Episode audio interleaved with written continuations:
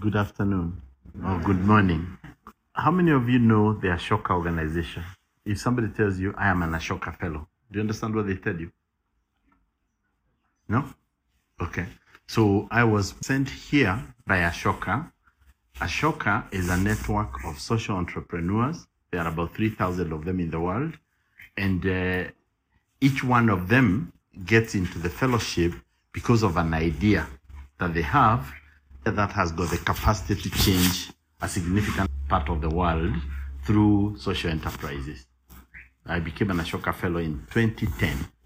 And um, I think if you Google, you will be able to find what the Ashoka network is there. And if you Google my name, Haron Wachira, again, Mr. Ashoka, you will also be able to see that the idea that got me into the Ashoka Fellowship hmm? Is about. But it, you have it. Okay. Now, let me first of all begin telling you about my journey. And I, I would like to start with the journey that is not on the slides here, that I'll tell you about some very significant people who have had a very dramatic impact on my life. And, and through them, I have become partly who I am in many ways. When I was about your age at uh, Daystar University, a man called Dr. Michael Schluter came over to teach a class in macroeconomics. If you Google Dr. Michael Schluter, you find that he is honored by the Queen now.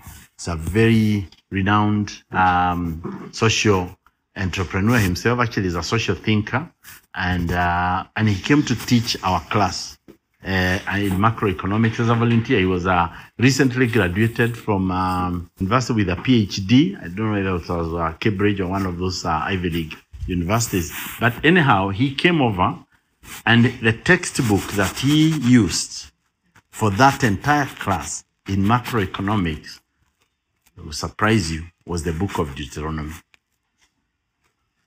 We had a three month course in macroeconomics. We studied currency stabilization. We studied money circulation. We studied the whole process of uh, social justice embedded in the economy, all from the book of Deuteronomy. Does that surprise you? Yeah? Now, if I'm mentoring any young person, a Christian young man or a young woman who wants to grow, I use that term, biblical models for growing a business, and you can get you can derive the principles from the book of Deuteronomy. Now I will I'll tell you about like just one or two of them. One, how many of you are studying economics here in in university? An economics student? Yes, one? Only one? Two? Good. Now we have the experts in our midst. Why do we have inflation? Yeah. inflation can be caused by an, in- uh, a decrease in the value of money, uh, so an increase in the supply of money, Mm-hmm. a decrease in the demand of money, or a decrease in the production, productive capacity. Very good. Now stop there. Yeah? I saw you taking notes. Did you understand what he said? yeah? What did he say? Uh, just explain to us in layman's language what he has just said. Adi? A demand. Okay, let's see uh, somebody else. Uh, Usually, men were able to work well without notes. Yeah, what what did he mean? What did he tell us? Yeah, capacity.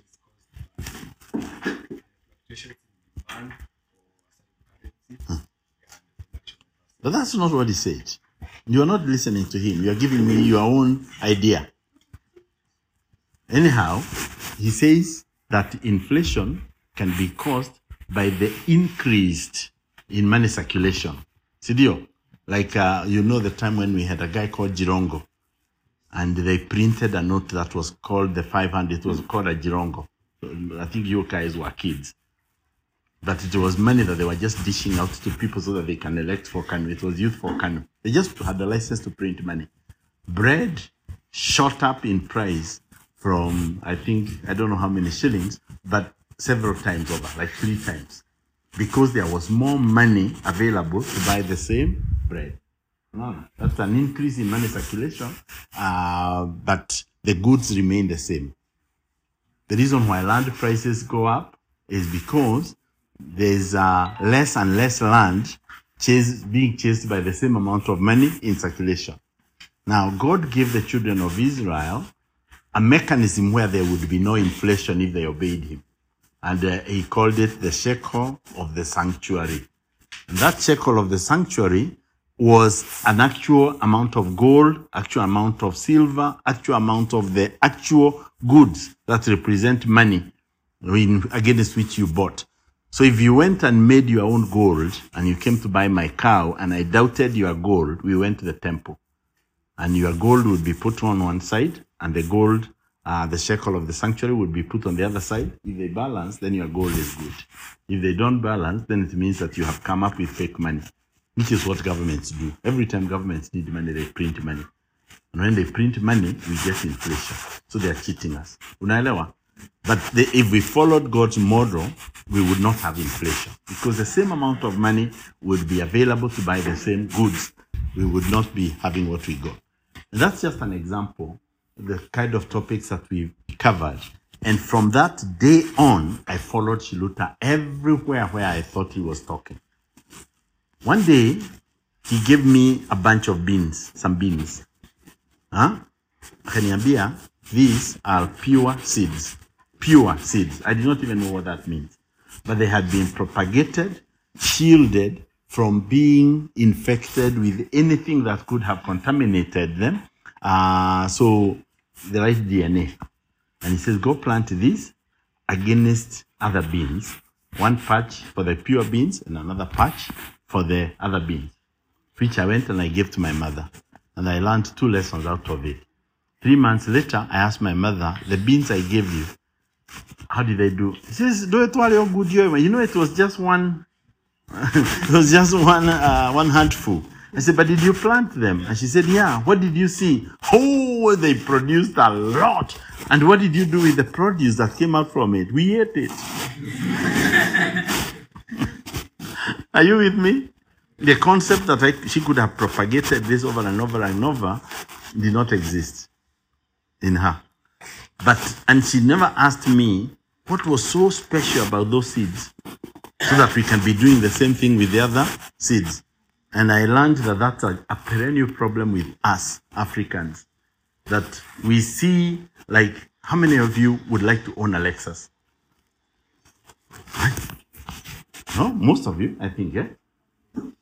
Who can give me the history of the Lexus from among those who raised their hands? Huh? Do you know?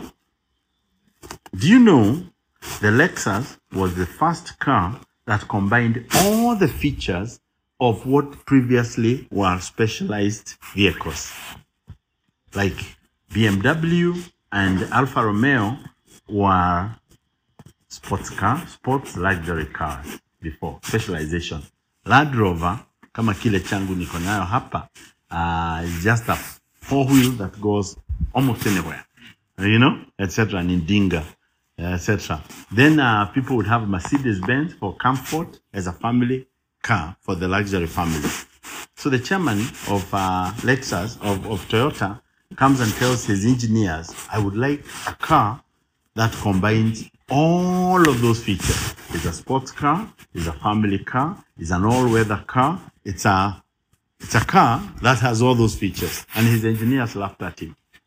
They told him, you know, you know, all when people get funny when they are growing old. So, but uh, of course they did not put it in that way. But they told him, you know, the, the, the specialization means that every vehicle should do only what it is supposed to to do.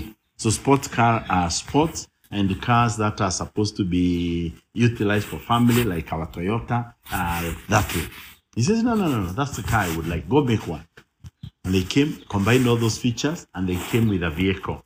And when they came with a vehicle, it was like a tractor. All features, four-wheel drive, mambo kama ya kukalia, very big seats for comfort, Uh, etc. And he said, well, I don't like the idea that, for example, you have to get out of the car to be able to change the four wheel, to be able to put the four wheel gear. That's the way cars used to be before. That when I come with my Land Rover here and I find that I cannot pass here, I stop, I get out, I go and I lock the wheel to be able to get the four wheel. I get back into the car, now I can go. Because I want the four wheel to be changed from inside as you move. Then he listed a whole lot of other things. My understanding is that they went through 42 iterations. Change, change, change, change before that car was taken to the road. And it ended up becoming the fastest selling family, all weather, saloon car. It has a four wheel that works from inside with just a button. It is very luxurious. It is sportish when you look at it. Even uh, for the guys who cannot afford the Lexus, they had to make an imitation of a car that looks like a Lexus, but it's not a Lexus. I will I will not mention it. Ah, so if you if, if you have an idea that you would like to have something that looks like a Lexus, you can buy a. ha- Sorry, I, I, pro- I decided that I would protect it, and then um, then you would uh, have like that. The reason I, I'm not mentioning it is because my sister has one, and she will think I'm offending her. She has a Harrier. Now, are you with me? What am I saying? I learned from that history the, the principle of continuous improvement.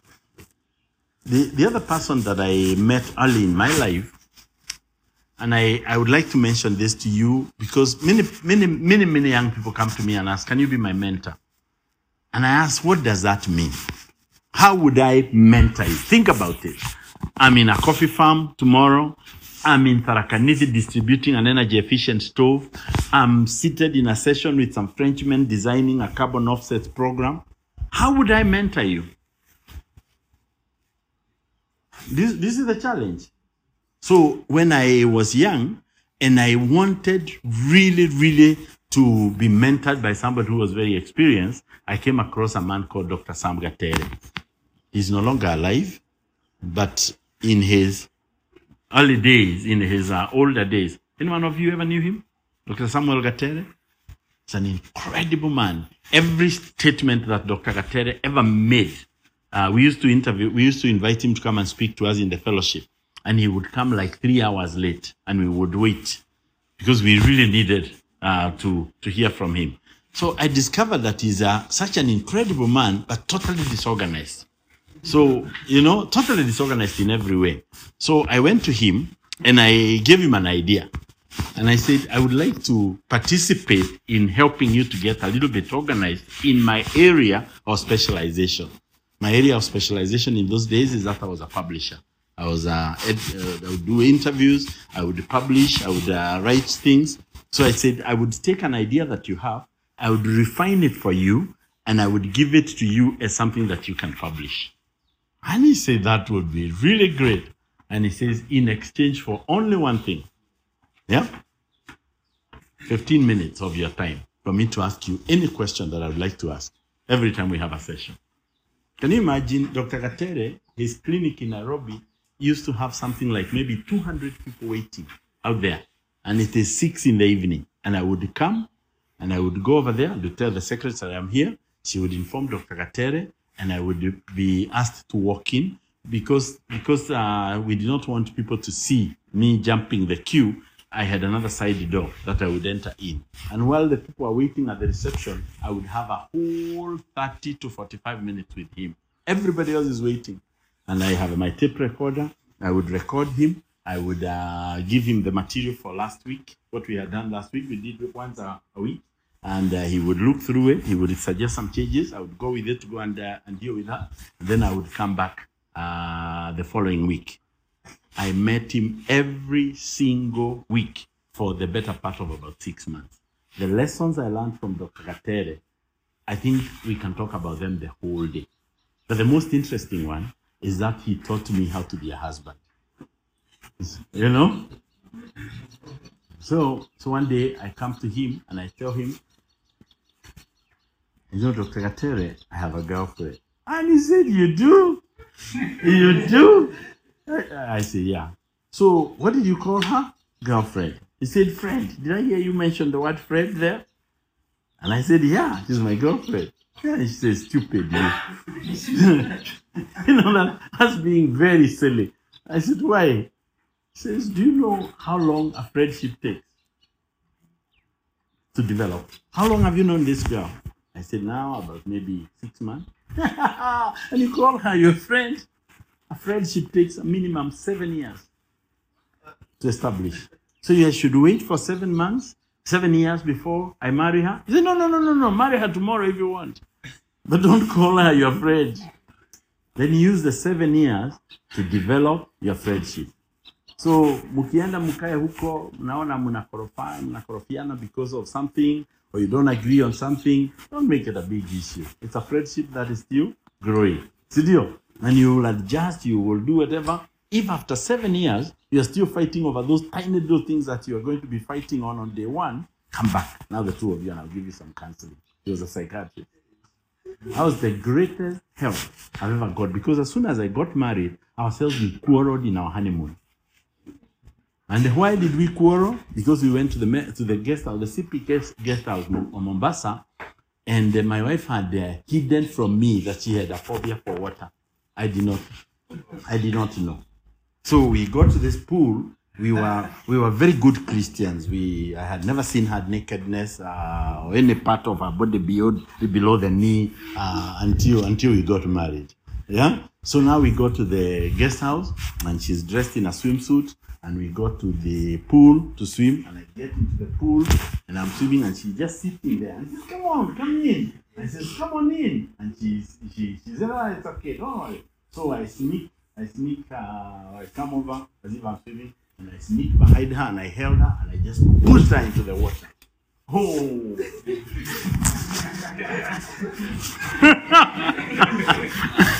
Huh? He had the worst day of my life. She, oh, she began to fight me in the water. Now it was hard. Happily, we were not in the deep end. We were on the shallow end. Finally, I managed to get her to sit down back again. And she says, I know, you wanted to kill me. she never forgave me. If you if you are in our house right now and we are just joking and uh, and you ask her, you ask Mrs. Wachira, I understand that you had a, a funny experience at the pool with your husband. This is this one almost killed me. now we have been married for 38 years, and she'll tell you that. She'll tell you he wanted to kill me. Unaona? So the quarrel started very early. If Dr. Gatere had not given me the advice that she had given me, I think we would have separated. But because systematically I knew that this is a process of getting to know one another? Now, so do you want a mentor? Do you want somebody to mentor you? Find something that you can do for them. Now, find something that an older person who has the experience that you're looking for can offer you and what you can offer them. Then that becomes now a mutually beneficial relationship. Unaona? That is now what is called mentorship. But hii mambo ya kuwa can you be our mentor? Uh, uwe na, unakuja unakaa na sisi dakika kumi na tano you never learn anything. You never learn anything. Now, the last person that I would like to mention to you before I get into my journey here is a man called Dr. James Mageria. He died recently. Did, do you know him? That, anybody know Mwaniki Mageria? Yeah? The father. He just died recently. And uh, I met Dr. Mageria in the same way. I had this knack for offering older people uh, my services as a writer uh, in exchange for their wisdom. So, in the same way that we met Dr. Mageria, and he began to tell me about his life. And I learned at that time when I was interviewing Dr. James Mageria, he had never given out a bribe. And I thought, that is impressive. Yeah, that is impressive. Everybody else was giving bribes, they would give excuses for it, and he says he has never given a bribe. But beyond that, he used to work as a policeman. And as a policeman, Dr. Mageria became a policeman in Kenya before independence. And the first assignment on the road, he arrested a Mzungu. In before independence Kenya, that would have been like a, an African arresting a Mzungu, you know, in a race conscious society was like impossible. And the? Do you mean? Arrest me. Since you, Your car doesn't have insurance, sir. Says, Yeah, so what? You, you, you're going to arrest me? Says, Oh, yes, I will. I am a police officer. I'm employed to enforce the law, and I will enforce the law. He says, I will see to it that you are fired.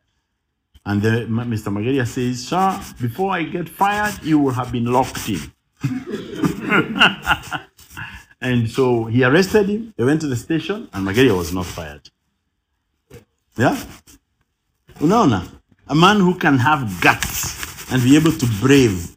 Many, many, many years, I was to get to become a chairman of a board. Just, just to tell you the consequences of such things. Eh? I was to become a chairman of a board where I was appointed uh, Tana Water Services Board chairman. That means we were responsible for water across Nyeri, all the way this area, Bere, Tharaka, about 13 in those cases, these were called districts. And, uh, and I, I, I had been traveling to the US when I was appointed. So my board had met when I came. I think at the temporary chairman for two occasions. And I came in to the meeting and I got a brief from my board of, we were, there were 10 of them. I was going to be the 11th.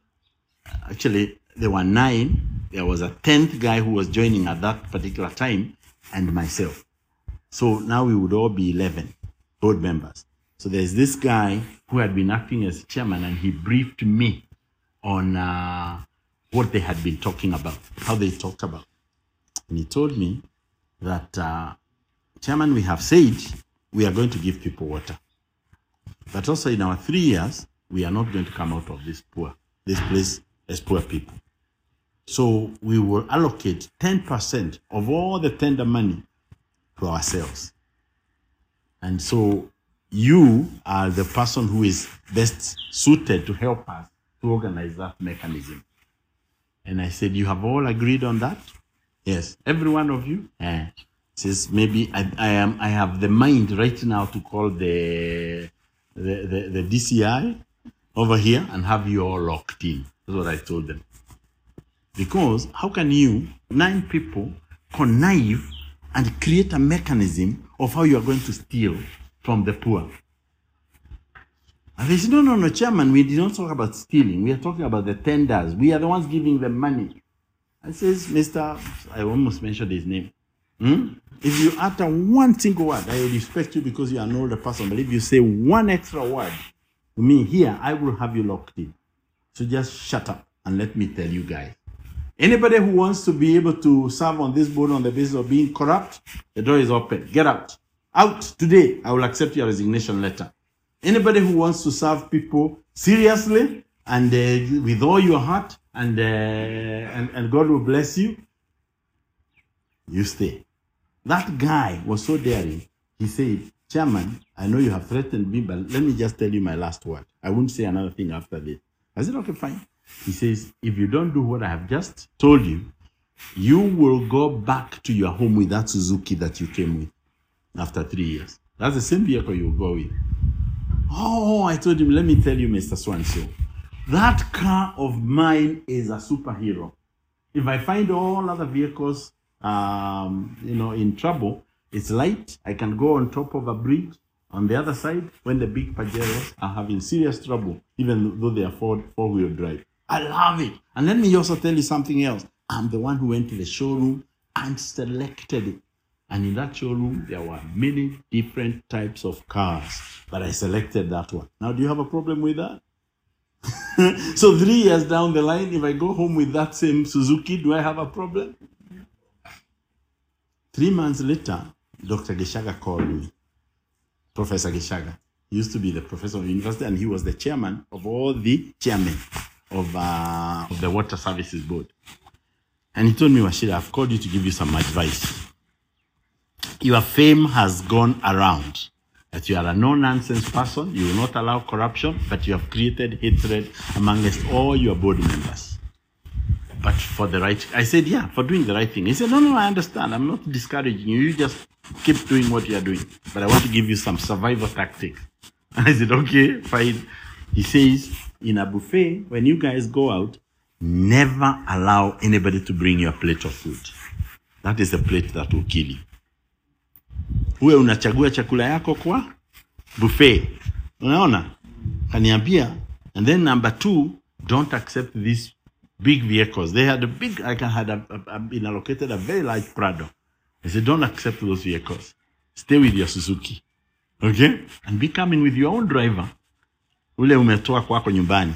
Nakuja naye kwa mkutano anakaa kwa gari mpaka mnamaliza mkutano alafu mnaenda. You will leave. That other vehicle will be fixed against you and you will die. And i'll tell you my own personal experience. So he told me his experience. He had done some changes at the university of nairobi. And then one day he just comes out and everybody was unhappy about his changes. And they huh, began to move God was gracious to him. As soon as they began to move, he got a telephone call. So he told the driver, slow down, slow down. So he finished the call, wanaenda pole pole, and then now he told the driver, now I'm finished. The driver accelerated. Wheels began to fly from every side of the vehicle. So walikuwa wamelegeza all the nuts for his vehicle so that as soon as he is on the road, you think he survives or he dies. Are you with me? Now, I told you the story about Mageria, but I haven't finished it. That Mageria got promoted in the Kenyan system after independence to the point where he was the superintendent of police in Nairobi responsible for traffic. If you Google even academic articles, you will find him being quoted when he was really trying to sort out the Matatu menace. But do you know who was the largest holder of the Matatu networks in Kenya? A man called Peter Muigai Kenyatta. All of them unlicensed. So Mageria one day does the swoop of matatus, have them all locked in, and at night he gets a call from Peter Muigai Kenyatta. How are you, James? Says, I'm fine. Who is this? Oh, this is Peter Kenyatta. Oh, it's nice to meet you. Nice to talk to you, sir. Says, I understand we have a little problem. So what problem, sir? I understand that my vehicles, my matatus on the road have been taken in.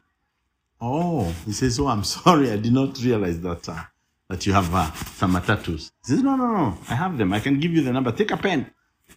Read the numbers, number plates, whatever. And he wrote a whole list. And he says, Those are my matatus. Could you please make sure that they are released tomorrow morning? And, then he hung up. Mageria was left sweating, thinking, What do I do?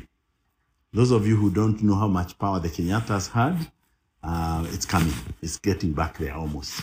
But, uh, but but what we are seeing today, as today you can answer, you can answer Uhuru. that time you could not answer the Kenyattas. So Mageria, at night he developed an idea, and he woke up in the morning with that idea, and he called the prosecutor, and he says, "Prosecutor, take a pen. This how vehicle number, vehicle number, vehicle number, vehicle number. Go put them in front of the queue. Let them get charged first. And he did not tell him why. So judge akalipewa list hiyo whatever nini whatever the total charge at that time was 7000 shillings. This is 1968. Let me tell you how much money that was. My mother and I used to keep a shop. And our total stock for the the shop when we started was 400 shillings. huh?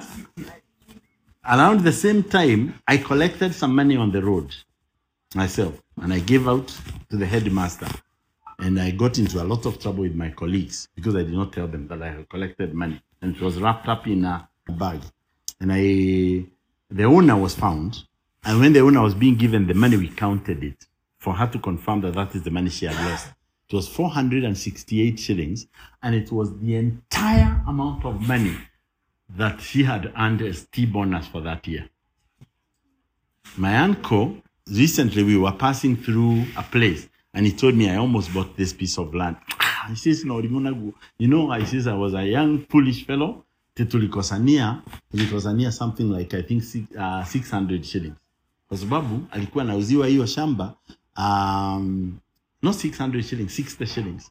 Alikuwa anauziwa hiyo shamba 360 na yeye alikuwa anataka kununua hiyo shamba 300 so walikozania 60 bob na hakununua.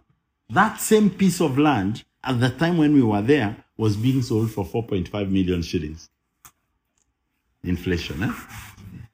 are you, are you with me? I just want to give you the idea how much 7,000 shillings was in 1968 and uh, the vehicles were locked in. Uh, Peter had to come and pay a fine, and then uh, they were released. And then, of course, Peter called